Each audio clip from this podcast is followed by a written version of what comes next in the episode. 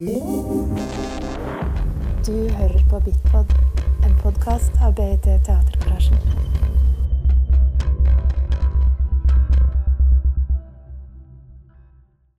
Hallo. Så jeg heter Tori Rånes. Um, jeg kan stoppe denne her. Sånn. Men det som dere så, var en eldgammel baby. It was an ancient baby. And it's one of five ancient babies. And they, they meet uh, and they plan the future uh, for everyone, like including everyone, in this uh, abstract language. So they sing in this uh, way, the and then they play the flutes and they communicate uh, with each other. Is it okay? Uh, I should do this in English, right? Yeah. okay. Let's go. But so uh, if there's anything, because uh, I really love the abstract language, like the language that does not have words that necessarily ha- is like this distinct, that it means like yes and no and all this. So if you have questions along the way, just really feel free to just uh, raise the hand or other body parts. Uh, to um, yeah just like we just do it chill and if someone wants to grab a beer or whatever we just uh, we just uh, do that. Okay. So um, i just thought i should start with a really uh, a project i did like a really old project but it's uh, because everything you see now is kind of documentation of something that already has happened. And i think it's interesting like the power of documentation in a way. Uh, so i just want to start with this example because this was a project i did in north of norway um, at Svinøya. And i'm coming i just go very quick through it but so i had this grand piano here and then i was climbing down playing in it and i climbed into the piano. And um, the fire department had parked the car on the other side and they put all the water hoses together. So it went over the mountain and over the bunker and down into the piano. So when i climbed into it i could shut the lid and then i texted the fire department like go. And then they turned on the, the, the, the water and it was like this water fountain under it and, and this bunker was built by Russian prisoner during the Second World War. And, um, and there was a, a cannon that fell down there. But that's my point as well, because when I decided to put the grand piano there, I didn't know about that. And sometimes people ask me, like, I don't know, some of you as well, like, if you do a work and people ask me, so, so why did you choose this? And then uh, sometimes I think it's important to not know exactly why. And just like, because afterwards I started to say, like, oh, there was this cannon falling down and the grand piano might look like a cannon, you know. But it's nice that sometimes you can just work on in- intuition and just like a feeling or a stomach. Yes, and then, um, and also I want to say, I really love to work with um, people that is not necessarily connected to art or theater or music or like people that just have another profession that they are they are really skilled in. Like to be at this fire department and to look at all the different um, sprut what is that in english? Huh like you know when you put the you know how to get the water out of the hose it can go like in so many different ways.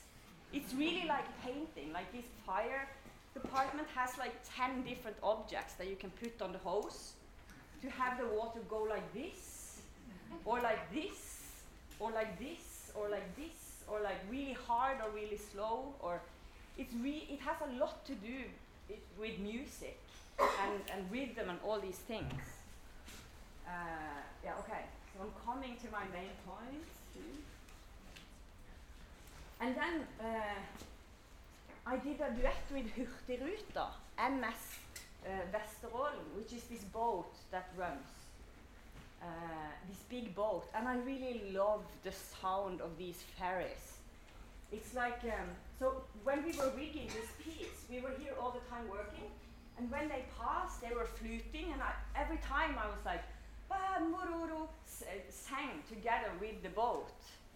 So in the end, um, uh, the next day when the ferry came, um, I was up here and I had uh, put a lot of fuel in the piano because I wanted it to burn, but I was not sure because I had never burned a grand piano before. So I was a bit unsure if it would burn. so I was like putting a lot of fuel. and then I called the boat, like, hello, this is uh, Tori Wrånes is calling, and I'm going. I was wondering if you can flute a little bit longer because I want to make a duet with you. But then the, then the, the guy's like, no, I'm coming from the south. I can't do. I have two short, one sh- one long, and two short. And in a way, I really love that as well because it has a, it has a physical meaning. Like it has, it's a signal that a lot of people need to to do their daily stuff. So I was just standing here with this burning hammer, and when when I was waiting for the ship, I was so nerve wracked because I knew that the signal was going to be so short, so I had to be like on it. And then it started to flute, and I was like, oh. and then the hammer, I had like this um, this uh, transparent uh, thread from my hand going down to the piano, so that I could be sure that it was like hitting the piano. And then it was sliding like really slow, like. And then the piano just like exploded. and, and then we had speakers here. And there's a, now I'm coming to the point actually, because about documentation. Because uh, I was filming this, but um, the person that was filming forgot to put the cassette inside. and then uh, I had a photographer, and the photographer was really obsessed with these dogs. and, and it's like, it's, it's always like a lottery when you look at when you look at the documentation of your piece afterwards. It's like you're, it's so nervous, nerve-wracking. But in a way, what happens in real time is the most valuable thing for me but the documentation can help to do like uh, to communicate about the work afterwards. but you kind of never know. okay, um, so I love saw, saw, like the sound of saw. It has like this, um, woo, like it really reminds of the voice somehow, and you can't um, kind of separate them in a way. And then uh, also, maybe it's um, sometimes it's really nice to work outdoor because you can't control everything. It's like you just have to play along, and sometimes you get surprises. Like three minutes before we started, it started to rain, and you will hear that on the video. Uh, but we had like uh, speakers buried down under the ground, and um, yeah, you can just see. It's uh, one minute, just out. Ah, that's great. We can wait. we should all answer. Put it on the speaker. Yeah. So what you hear is the rain.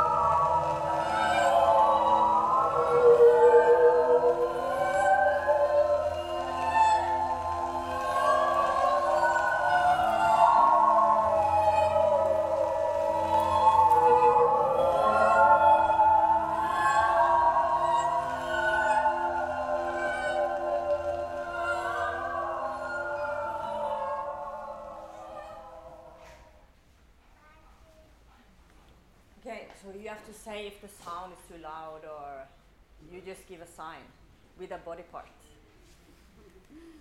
So this was the first time I worked uh, with the troll, uh, which was for the Sydney Biennial. But I will come back to the troll a little later.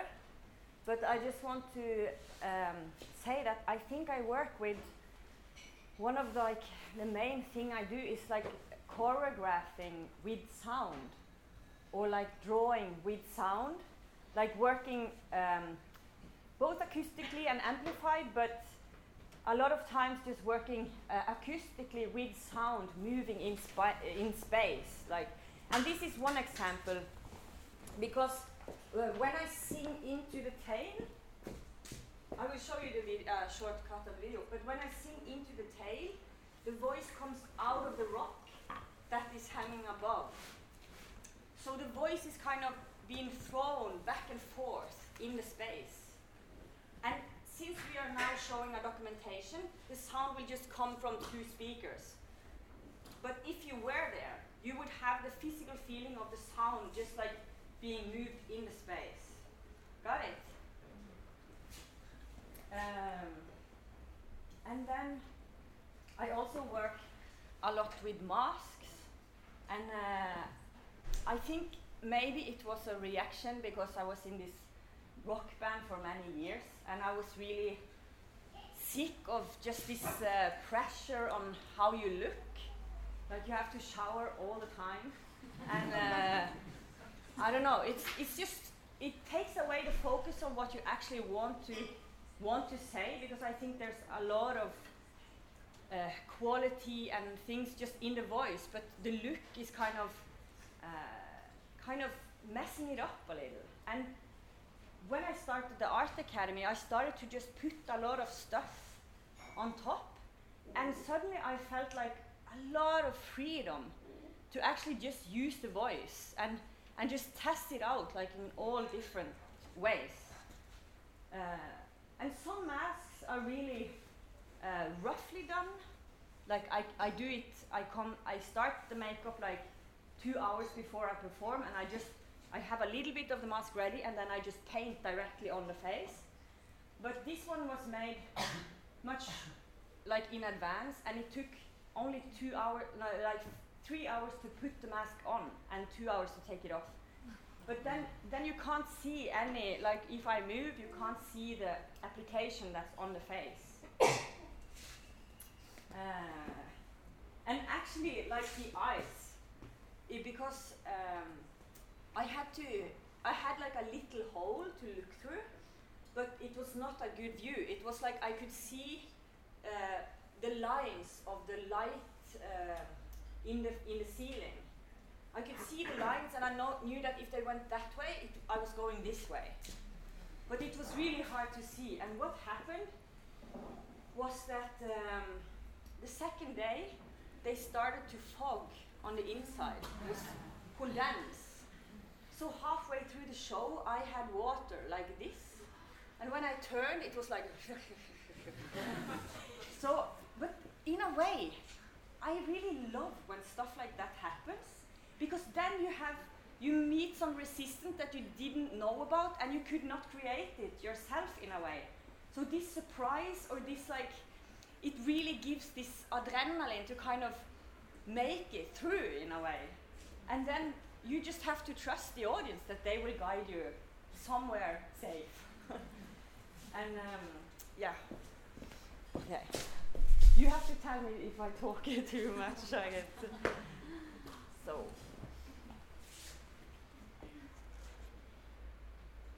Okay.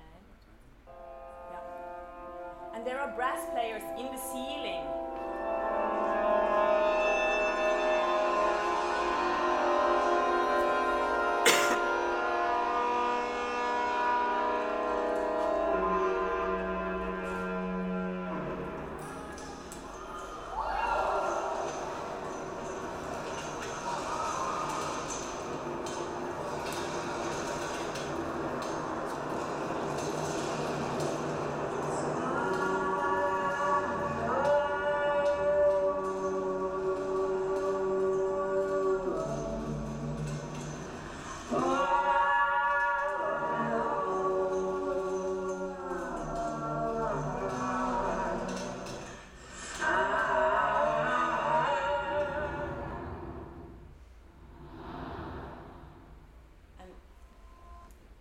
if you saw it, but in the end, like this, this rock really also starts to breathe, like. And it was also shown as a sculpture after that. And now it's owned by Astrup Fearnley Museum, and it's in their in their storage. And they have told me that sometimes, if it's good weather and uh, the rock feels fine, they can hear that it sings from the storage. So that's nice. Okay, this is another project um, I did with uh, for the new National Museum, and we were putting down the corner rock.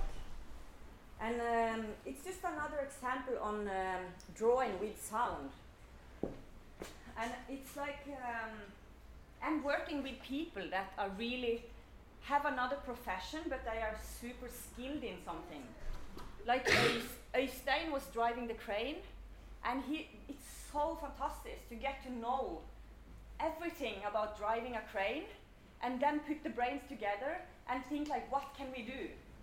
And and in the end, we were really playing. Like it was fantastic to stand here and kind of have five cranes and pumpetårn that brings up and have speakers on pumpetårn. Um, and to be able, like, what, what sound can you make? And then the, the crane drivers are like, oh, listen to this. and, then, and then they start to improvise and play. And then you can kind of together create like a shape that will work to, to make it happen. That's fantastic, I think. And also to have a lot of respect for their knowledge, like how much wind can we have to do this? How, what is the limits? What, and to give the impression so that the, the, he can also trust me. Like I'm not just like a maniac that wants to fly a crane. It's a reason. Like so, what we did was to draw draw up the the line of the new house with the body while singing. And for me, it was all about having this new National Museum that is put down there, saying hello, uh, hello, hi, hello, hello. How does it say? hello, hello, hello to all the neighbors. Like you have the um, clock tower. So the clock tower was answering when I was lifted up with the corner rock. The speaker was on the tower and they were following the body up in the air and then the clock tower answered. And again, I feel that it's about drawing with sound. Like the sound makes connection through the air, and then when the corner lands here, all the boats in the harbor hunks like. So it was about the National Museum being a bit humble, landing there, saying hello to the new neighbors and all this. Um, yeah. And again, this is only documentation.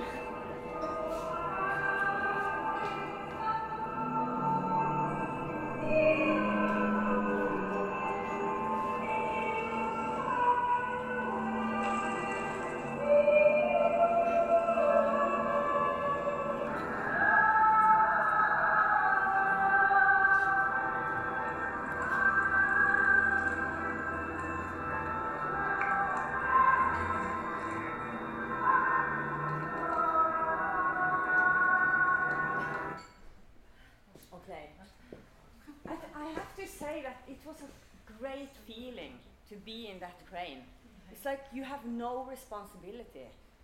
No one can reach you, and you can just you can just go like what's fantastic. Okay, now we're gonna jump to um, uh, production, recent production, um, and it's I think it's the first time I talk about this, isn't it, Tuna? Yeah. So, uh, but. Uh, I, I'm, I don't know. I, I had worked a lot and I was a bit tired, I think. So when I went for the site visit, I was really thinking that, oh, I want to find a place where I have to swim to work. so then we, we uh, because I came there, it was for Thailand Biennale, I, and I came there with um, 19 other artists, and we were all walking like in a uh, sheep bunch. No, so, but and then um, I just went swimming with one of the others, and we went wild and we found this island here. And that's where we actually created the performance. And it's this beautiful, amazingly nice landscape. And the mountains are so. Uh, you just get really uh, blown away by the nature, actually. So the idea was that this creature was just born out of the dripping tears of the mountains. And they had just been there, in a way. Um,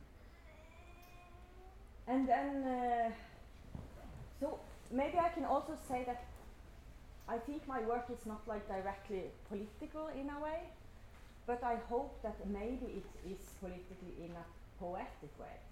Because I think it's really, like language is not this yes and no uh, language is not uh, so easy for me, but um, uh, let's come back to it later. okay. Um, and what happened was that um, this is it was called Nam Yai, which means big water. So that that means that we were there in a season where the water changes two meters a day, which means that the place that we were we were doing the performance changed a lot from day to day. So this is the same place. And sometimes when we arrived, there was no island at all. And that meant that we just had to like work with what we had in a way, which was also very exciting. And often when I travel to another place, I would say almost always, I work with local people to, to get to know the space better and to, to understand uh, what's the thing. And, um, and this place I worked with uh, musicians playing pea flute, which is this amazing instrument and they were so rough with it. They even played in the water. Uh, it's super with the baby, that's, that's fine. And um, yeah, really, uh, we can play and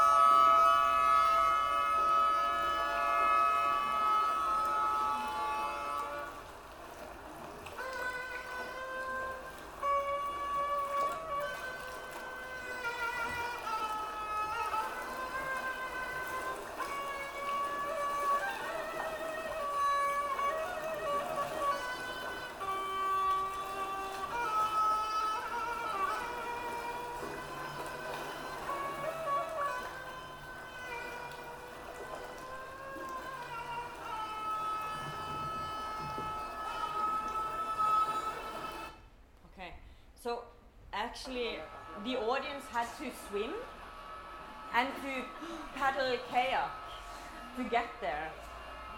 So it was, um, yeah.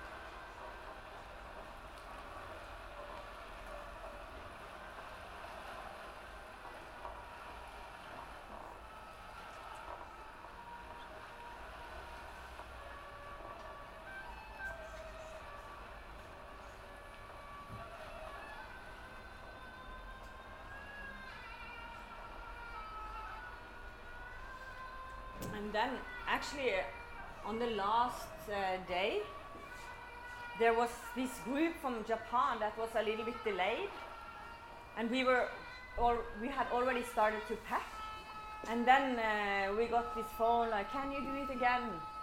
And then we just decided that uh, we dropped the whole, um, we dropped the whole uh, dramaturgy and the whole what we had, what we were doing, and then we decided that everyone could do whatever they wanted to, and then we just. Uh, we had a signal like when we started and when we stopped, and then we just uh, beha- like behaved like an installation in a way, like. Uh, and then, um, and then um, what happened was that uh, there was these tourists th- uh, that was filming it, and they were like, uh, "What the fuck is this?" And they put it out, and it went like, it, it went insane on internet, and I even got like comments like, um, "How can you? How can you? Um, how can you say that? Uh, how can you pretend that you're making costumes about what happened in Thailand? What happened in Thailand was real, and you're trying to fake it or something." And they really believed that there was this new creature that appeared, and that uh, they they they like. Um, connected it to this monkey that lives there, and that it was like an ancient uh, creature that has not been seen uh, for years, but now it's coming back. And it was all these comments like, "Is that Princess Cave? There's an assortment of local rituals right around there." I can't tell from the video as you were more focused. Yeah, it's like going on uh, a lot of uh, wild stuff. And it was also yeah in every news channel in uh, Thailand and Yeah, because they really thought it was real animals. And yeah, Yeah, and that was also interesting because that was that it was no intention from my side to hide that it was a um, performance, but it really because it was not in a stage or in a it was just out there and tourists were paddling in their bikinis and just fall upon these creatures. And of course if you are not close enough it can kind of but then there was like all this dialogue like but they are playing flutes. More of them have flutes. And it was like this um, yeah long it was really uh, way beyond. So in this performance i was really afraid of fainting in the fur because it was so warm uh, and i was worried about all the performers if they were gonna manage to stay alive. but then we did another project. Um, we kind of continuing the creatures in Harstad for Ilios Festival, and we literally had to like jump through the ice to get under. And this was a lot more technically challenging because uh, we need to dive with air and um, and uh, it's like just a lot more uh, issues like safety issues to keep the performance alive during the performance. And here the boat is going to catch the audience. So they were catch on this on uh, on land and then they were driven to this platform. And um, um, and they got like this water um, so that they could look into the water. And then we were under there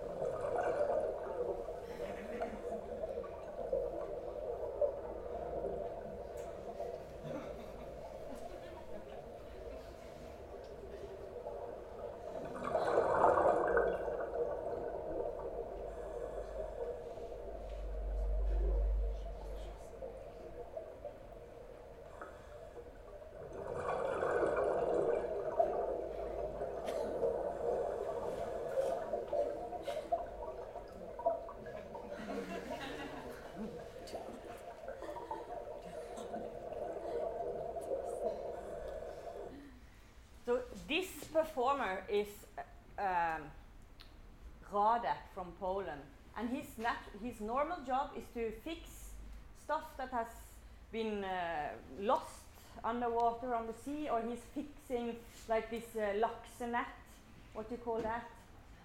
He's a he's a professional diver, and he has like him and his friends has this big diving boat, and they are just uh, localized localized there to to help the fishing industry and all these different industries. And when we called them, they were like, "Oh, what's this?" But in the end, they were really like, "Oh, we have this robot in the boat. Maybe we can put some fur on it." and they were so into it. And I love that he is really going into the into the gnafsing, like going into the being this creature. Uh, and uh, yeah, again, that, like this magic of people just opening up for a thing that they have not done before, or like, yeah. And uh, we were waiting under the water for the performer, like for the boat to come with the driver. It was like an insane uh, plan, like time-wise, how much oxygen we had, how much, how long we could stay under in the cold, um, and how to get the boat in and out. And we had one boat that stranded because the water went too low. So. Uh, ja.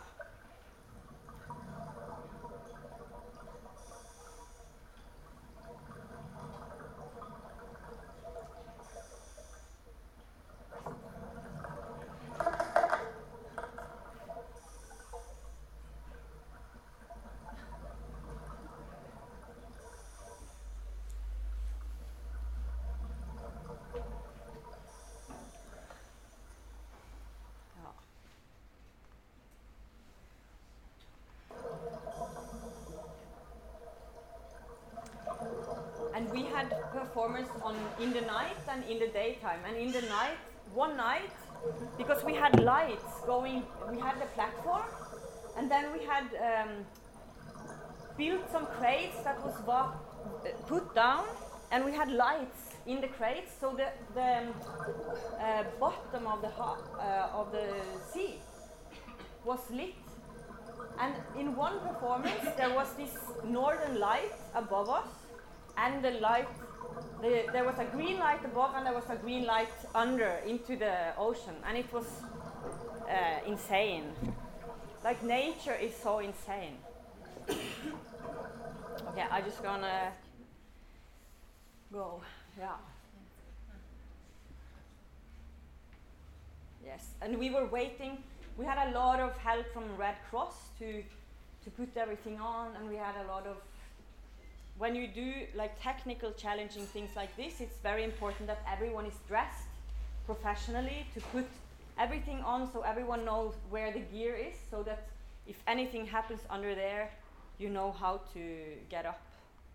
And again, like, and we had to do a lot of test dives here in Oslo, and we had a lot of, yeah, I don't have to show this. Sometimes it's nice with picture from the process, but it was really difficult to get underwater because the costume had so much air. So this is me trying to dive in Oslofjorden, but I couldn't get down even. It's like, and this uh, this is from the rehearsal.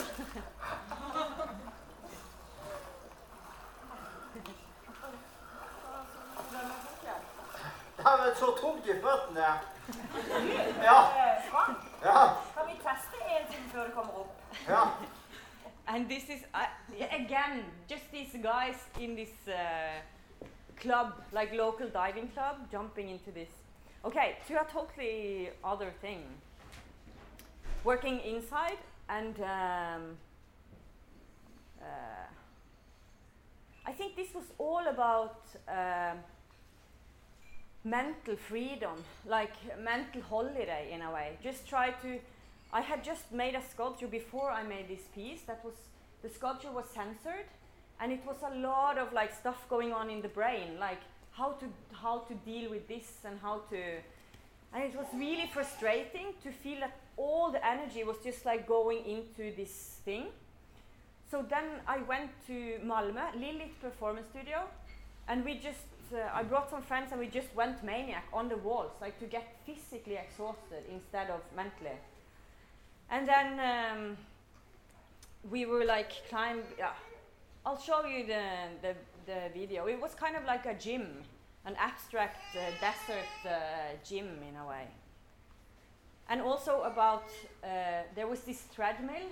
So it also about to press like to to to expose the body for resistance so that you find new new ways of singing or like new qualities. What happens if you run and sing or carry something another performer or something heavy? What happens with the voice? Because i think it's really interesting not to stand and sing as beautiful as you can but kind of challenge the technique somehow. I think it's three minutes just a outtake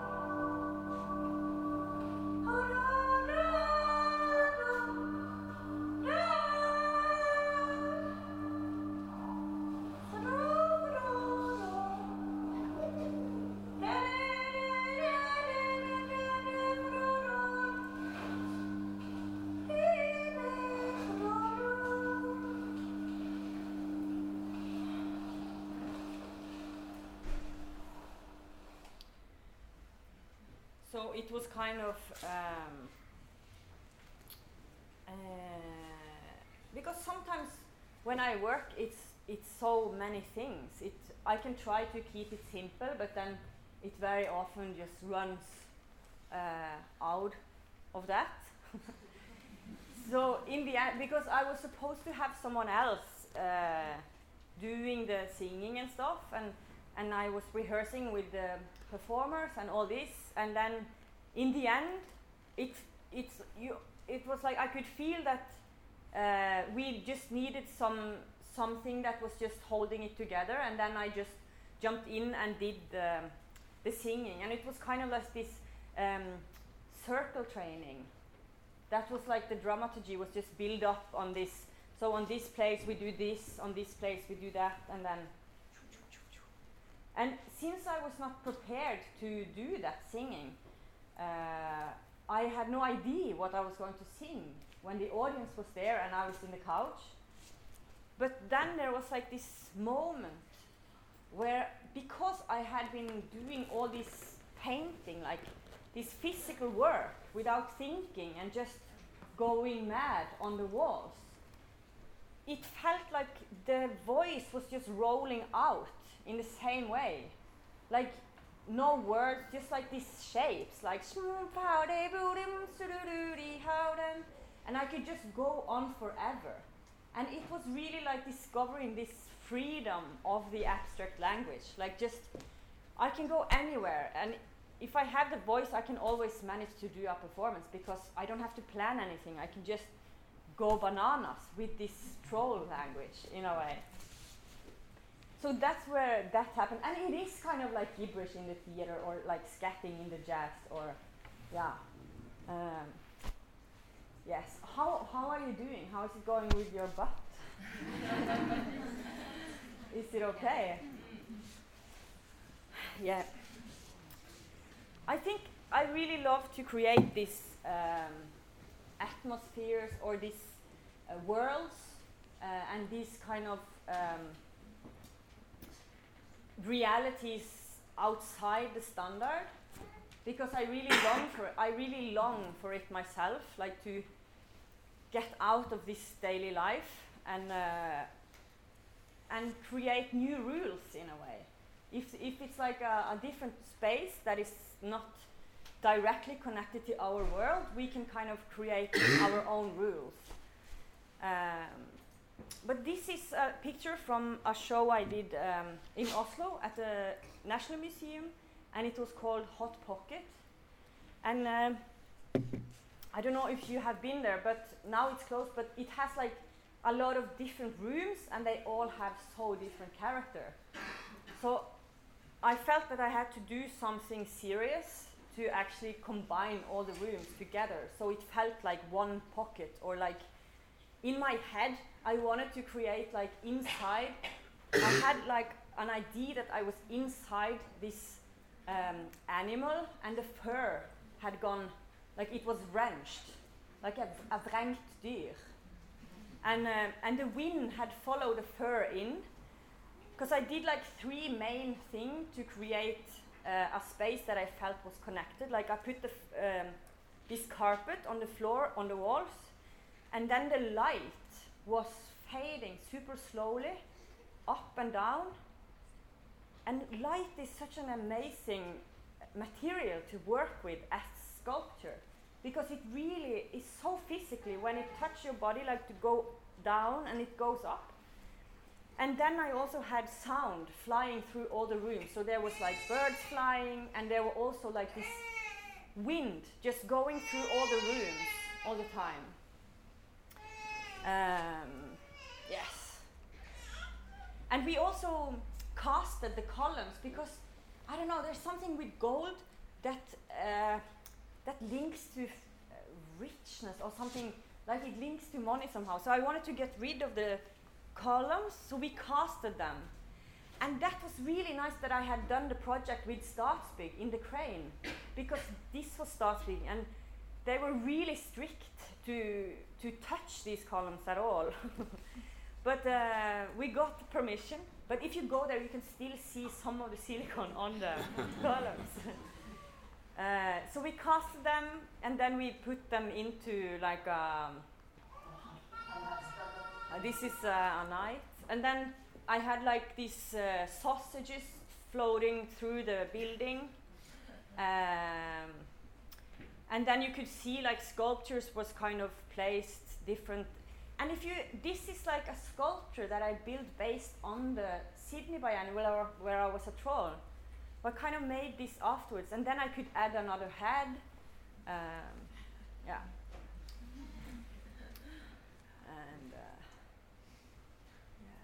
this one is called when my bones melted i could no longer see the difference between right and wrong and this one is called uh, Mom, Don't You Miss the Real Me?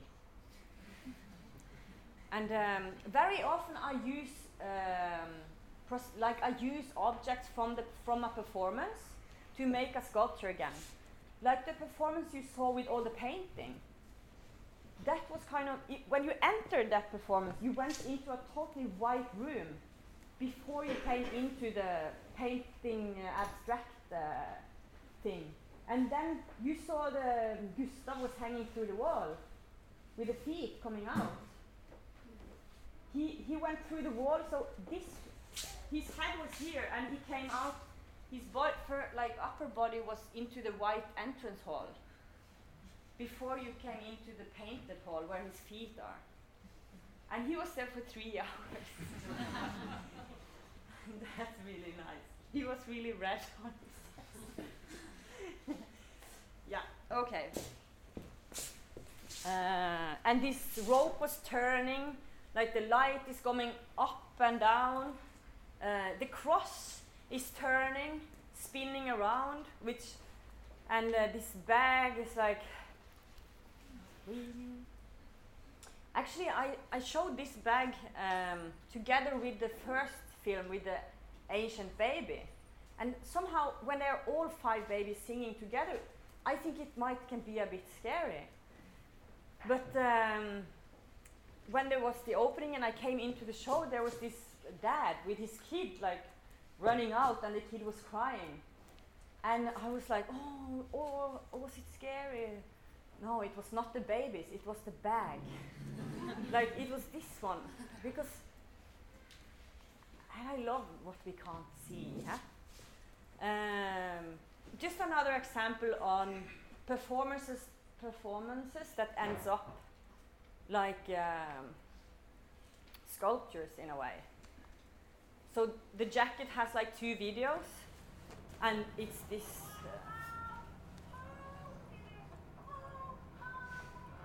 So this is this was taken during a heat wave in the Joshua Tree, and there was no one out there in the park, and it, it's so random that there is no one there. But it was really, really warm.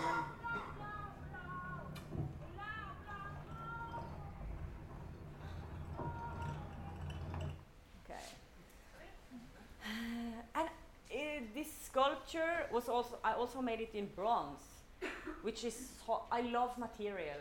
Uh, and then this stage that you see here was also rotating and it was used like uh, to sit on just to see the show. And it was also used to perform on. So it was also wrenched um, and then i created this performance where the audience was sitting while it was spinning. And it was really uh, challenging to try to create something for 36 degrees.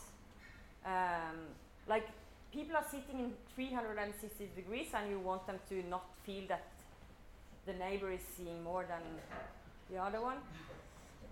So, yeah. And I think I'm really, like, now I don't work so much with trolls, but uh, this was about trolls, and I think I really like the troll because I think we are all trolls. really, because the troll only comes out when it's dark and uh, I feel like we are also kind of hiding all the darkest secrets, or like we want to be uh, received like like nice people, or we don't want to say, "Hey, I'm Tori, I'm evil," or like you know.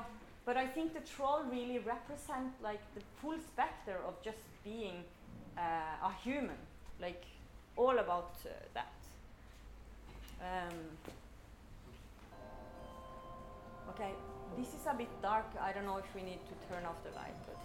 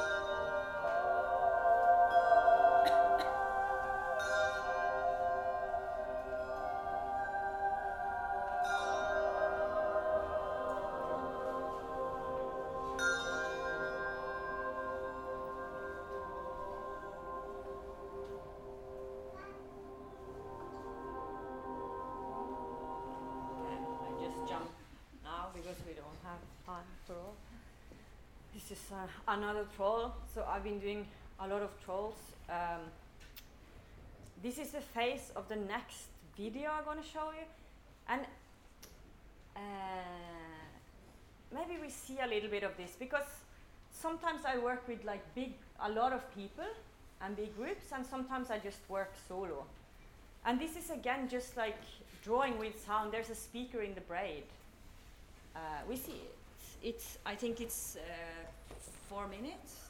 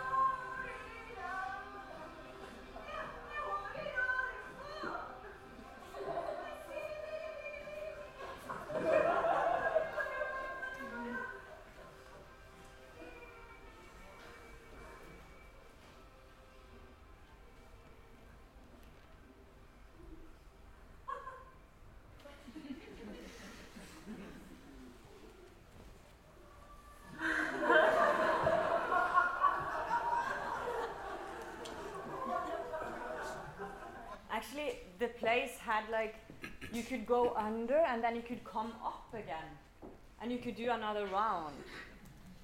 Like uh, the the the place. I really love that when when uh, the sound is like fading. aw- When the distance is like the sound is telling you about the geographic in a way. and actually, this piece is about that because I think it's really difficult to work outside. But I think I was trying to make like this sound architecture or like this defined a space with sound in a way. So I had musicians in the chairlift and the audience was on the other side and they were just like and then there was um, a choir on the ground and they were moving away from the track and coming closer. So you could really feel that the, the sound was like distant and close, and also in the lift they were coming closer and distant. And then when I arrived, there the cows were out. So then we put like 12 tone tuned bells on the cows to have like this uncontrolled element that they are they are all a natural element there, but they are you are adding a little extra on them somehow. Um, and we have and this is this is in the Alps in Italy, and um, so the, the trolls are kind of touring in a way. uh, and we tried to get this alcohol in the lift. But when the lift was turning and going back up again, they were like stuck in the the space was too small, so we didn't dare to put them up there. But they so they are also on the ground, like uh, we can see the we can see a little.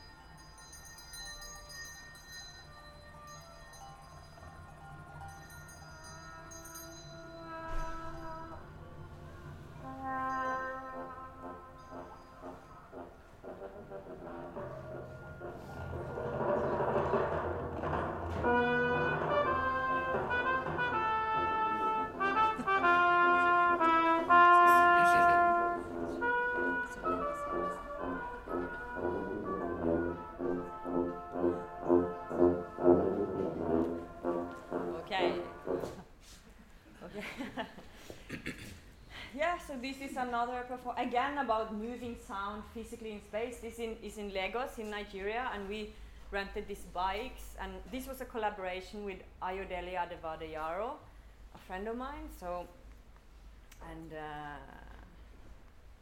yeah, and this was so we we went uh, we did the performance like in the streets and and I love, there are so many different biennials, but I love like here we wrote our own signs. It says Lagos Biennale.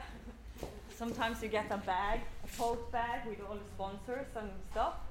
But it's really nice to to do stuff different places in the world and yeah.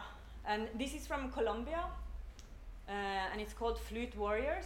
I was invited to this Queer Bog Fest, which um, to do this collaboration with Red Comunitaria Trans, which is trans persons, um, and uh, I went there just with eight selje flute, like willow flutes, under my arm because I didn't want to plan too much because it was it was a collaboration, so it was important to not uh, be a leader, or rather like we were feeding each other. But um, we worked with the troll again, and they really adopted that idea because they could recognize their own situation as being trans in Bogota. It's really they celebrate every time a person turns 14 because that's the no 35 sorry not 35 because that's the average age and uh, it was really a, for me a mind-blowing experience this collaboration because um, it was amazing to meet that activism like the power of just continue even though it's uh, hard and they are amazing artists. And and we did this almost with no uh, we had really uh, almost no budget. And uh, we were like thinking about the costumes how to make the costumes. And then uh, one of them called me like in the night hello i think we find a solution for the budget if we drop costumes and we go naked. And then and then that was easy. So we, we did that. And uh, it was really fantastic to have the, the flute as a starting point because the Selje flute, um, they were all tuned in the same scale, like they had the same scale, which means that uh, when you play, you can play any tone, and when the other person play, it sounds harmonic together. So it's a quick uh, way to feel that it sounds nice. But then you have to work continue like because if you blow really hard, the sound is very light. Like if you blow very very gentle and subtle, this the sound is very low.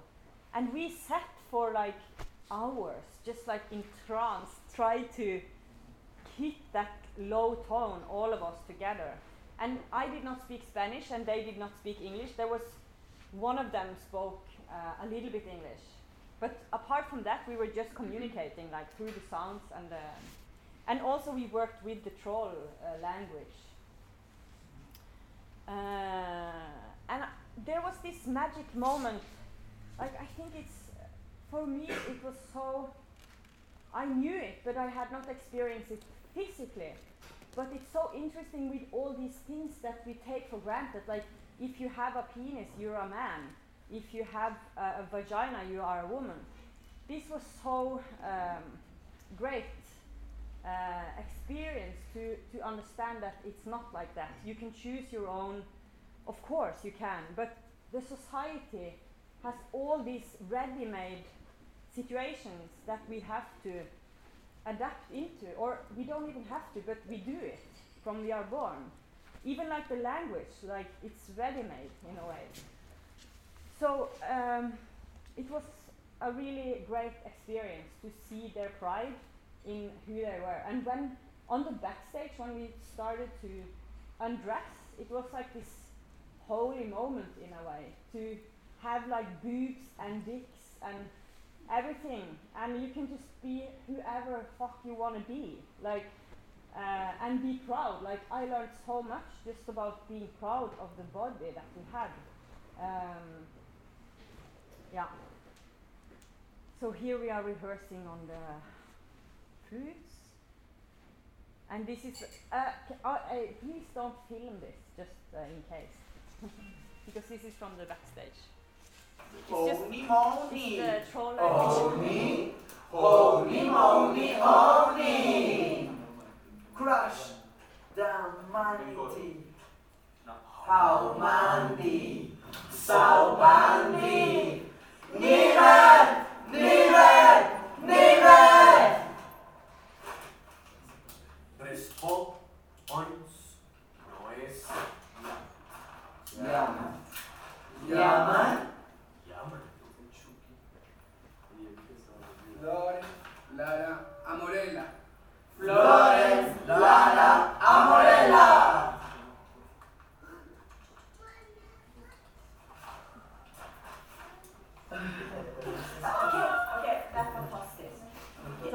Just uh, rehearsing, like backstage. Unfortunately, we, I don't have any uh, good documentation of the piece. But uh, so this is something I made afterwards. This is a trans hammer with a uh, third possibility, like a new possibility. And um, yeah, I also after a, after a performance I did, there was this one person in the audience saying, because someone had introduced me like a multi multi artist. What is what? Multidisciplinary artist. And then he said, but you are not multidisciplinary. You are transdisciplinary. And then I was really happy because I think that is very essential to my work. Like, it's not about um, sound and image. It's about the things together. It's about the rhythm of the visual, of the sound, of the like. It's the it's like everything to par like not not apart but together in a way. So here, this is like uh, here I'm working physically with clay and silicone, but for me it's also about singing. I was in uh, I had this little studio in New York, and I was not allowed to sing because the neighbor could hear me so well. So I was like splashing, uh, painting and stuff. Okay, this is just uh, yeah. but after Bogota, I came back and I was like uh, on fire for for this uh, openness in a way. And I made this. I call this like the gender adventure logo. And I think I'm not so good with what's male and female, but this is male, right? And this is no, female and male. And this is trans, and then these are new possibilities. So you can choose. And then this is kind of pointing towards the person that wears it. So I did this. But what time is it now? Yeah, so let's uh, we can finish uh, soon. But this is Washington Square Park, and the park is kind of made like this symbol. So we gathered in the middle of the park. Um, ah. I gonna. Sometimes you do things without thinking too much. You just know that you want to do it. Like I started to talk a little bit about this. And after Bogota, I went back to look at some of my earlier works. And this is a composition I made where I sing from the highest in the voice to the lowest, while I play the piano from the darkest to the highest. So it's like those two instruments create an X in a way. And I painted the keys on the piano all the, different shades between black and white, so they're not just black and white, it's everything on the scale. And then I put the clothes back and forth, and the vagina had kind of grown out in the back and changed uh, gender. Um, yeah, just play a short, I think it's half a minute.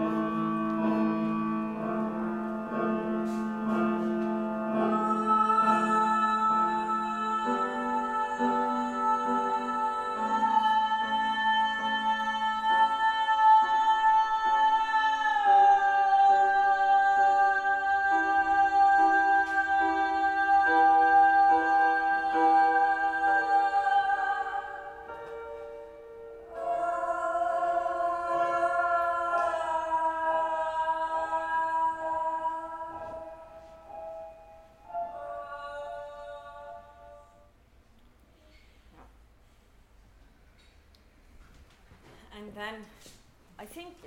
Do you want to see two more projects, or you are tired? Okay. Okay. um, so this, the piece you just saw was called "The Opposite Is Also True." Two, and this is the opposite is also true. One. So I made this for Performa 19, and it's uh, this was the starting point, and it's kind of four four scenes in the performance, uh, and this is the starting scene, and I'm just there is like I I sing, and then this the voice is looped, so I improvise, and someone is looping the voice, so there is like one body with a lot of voices, and. Um, yeah, I think it's really hard to live sometimes. Uh, but luckily, the opposite is also true. Uh, and I think, um, no, I should not talk so much about the images. You can see it. but anyway, it was like one body with a lot of voices. The next image is there is a lot of bikes coming and they sing. And the, they, the bikes have like these old dynamos so when you, if you bike really fast, the light goes stronger, and if you bike slow, the light is uh, lower. Um, and I really love that when the physical effort is connected to the visual outcome in a way. It's a human, it's not a digital, it's like the opposite of internet. um, and then there was these seniors, uh, some that I met on the street, and they had friends, and they came, and they were also working on the flute. And uh, it was really nice because very often you don't know who you're going to work with. So sometimes I can't plan it too well. I have to meet them and then sort out what is their skills, like how far can we take it, and blah, And I had made a melody, but actually when they started to play, they couldn't. The fingers were too stiff. So we ended up uh, just making a totally different uh, melody than what we were supposed to. But I, I love that, that, that you can't, you have to meet the people to know what you have in a way. And then the last image was, um, uh, I was swinging back and forth in front of the microphone. Uh, and then I could grip, it's like a gun with a microphone inside. So I was like hanging on the gun, singing into the gun. And uh, yeah, I don't think. I just took an extract of the video. I don't think this is on the video. But yeah, let's see.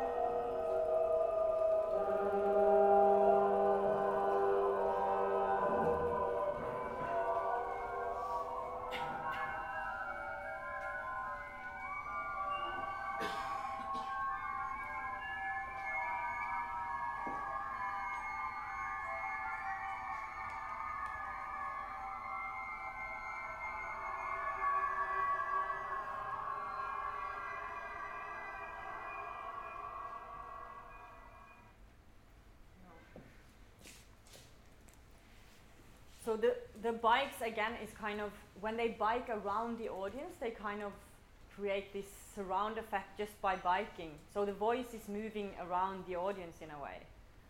And I'm just going to jump over these images because I think it's a long time to sit on. But this was like the rickshaw drivers in Bangladesh.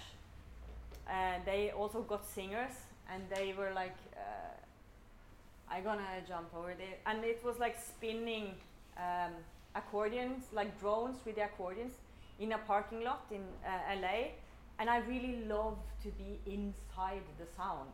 Like when you are in the parking, you know, when you close the door in a parking lot and it's like, boom, boom, boom, boom, boom, like, and we also had bikes here and we made these drones with the, the accordions. Um, and I show this because now I'm coming to the last uh, project I want to show you which I also worked with with accordion that I have not worked with since a long time, and um, I'm gonna jump because this is from the process, but we don't. So I worked uh, in Moscow with 40 accordion players, but they had not played accordion before. so there was one professional and 40 had not played, but they were performer or dancers or singers. And it's really interesting to work with a crowd like that because the composition you make has to be made so that it fits into someone that can feel something that is used to like rhythm and, and uh, dynamic and all this, but not skilled to play like virtuoso on the accordion. So here we are just trying to breathe, like make one breathe. And it's really, it might seem easy, but it's really difficult. This is the group, it's all about listening.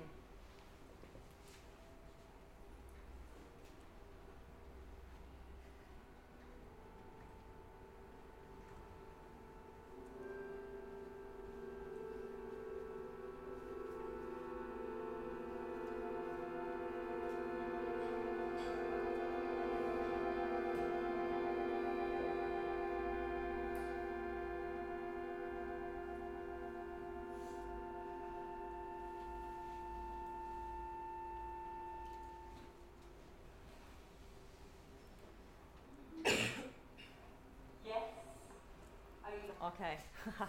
and now we are trying it, like. Uh,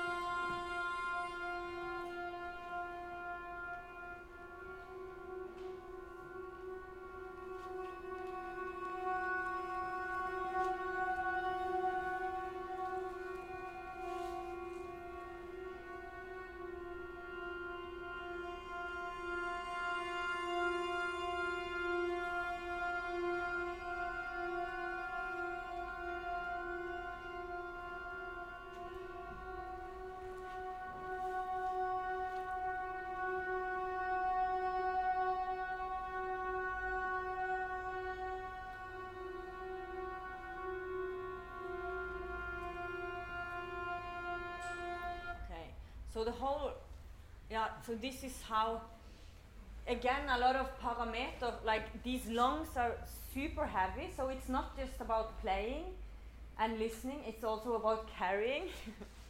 and but the whole performance was part of a show called The Coming World, uh, Ecology as the New Politics in 2030 till 2100. So it's uh, about the future and what is going to happen.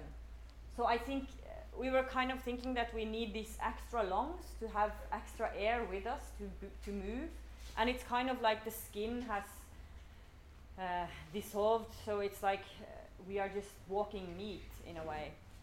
And the blood needs to take like the toes has grown together because the blood needs to circulate uh, faster or um, and the building has two entrance doors. So there is like, um, so we all came, it was also about playing on the building. So the building itself has kind of two lungs, this on one side and this one on the other side. And then we enter into the space and ended up in the staircase. But it's like every person has like a long, and then the building has a long, and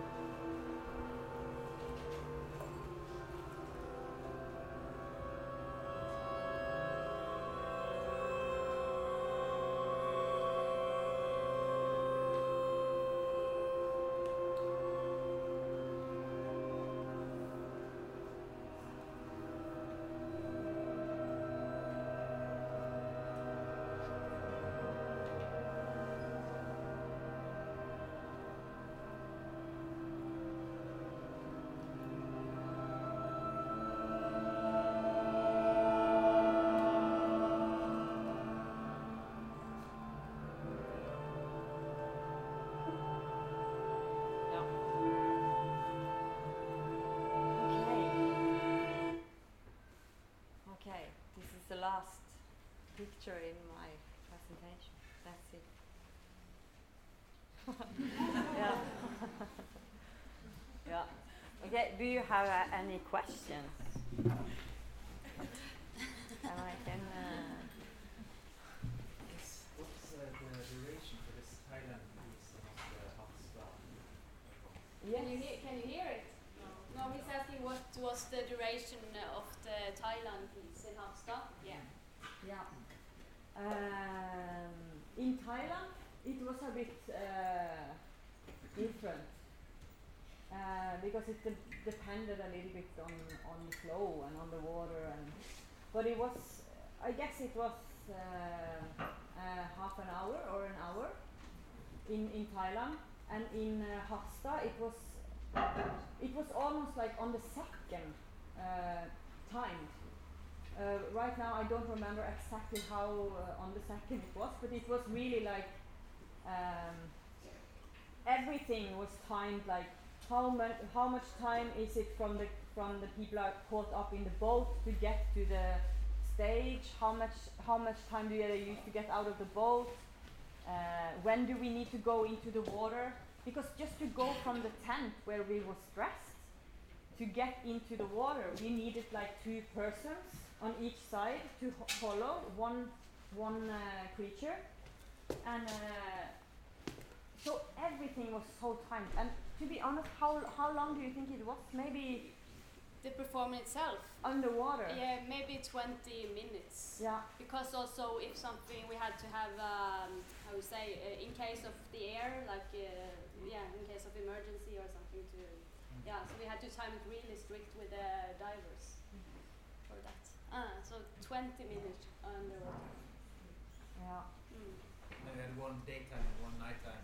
Yeah. mission kind of. It was so different because in the nighttime, when we were under there, we, we, we had, of course, a rope and all these things, but it was much more difficult to see like the people uh, around. But we could follow the light from the stage. And, uh, but it was, it was really wild to be under there. But I, I love to go underwater because then this, you can't hear, like everything changed. It's totally like a, a new universe down there.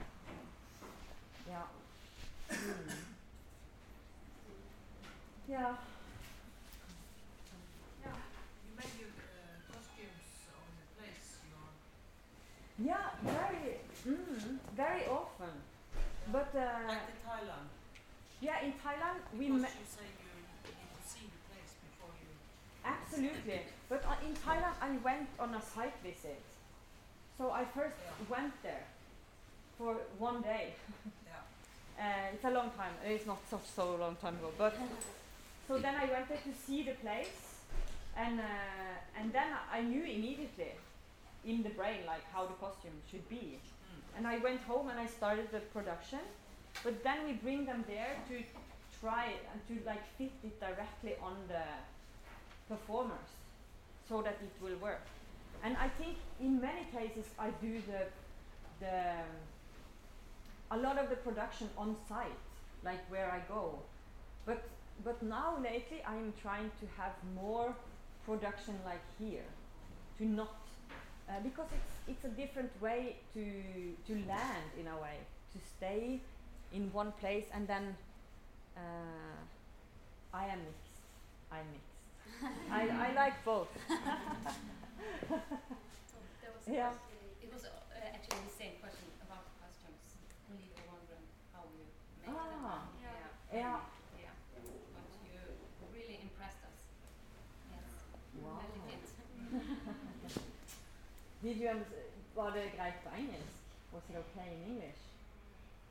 Something was wrong, but I, I, I think she liked to just watch. Oh, that's good. That's good. How was the baby? She's sleeping. Let's wake her up. I was a question. yeah. I was just wondering, since there's so big productions, do you have, do you often work alone? Do you have like a, a team of uh, uh, people you collaborate with that you often collaborate with on different productions, or is it always new people? Yeah. That's a nice question. I think I used to do everything alone, like um, all the stuff. But lately, like the last maybe five years or so, I've been having a great team. Like uh, some people that I work with very often, uh, and right now I have Tone is uh, helping me a lot, Mm. and I have another person also that I work with, uh, like. Uh, Mm. all the time.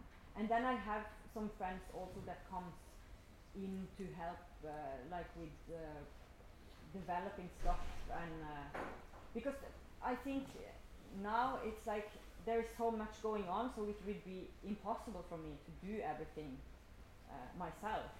So it's really nice to, and it's also great to have some uh, witnesses that you are alive when you uh, day is uh, going.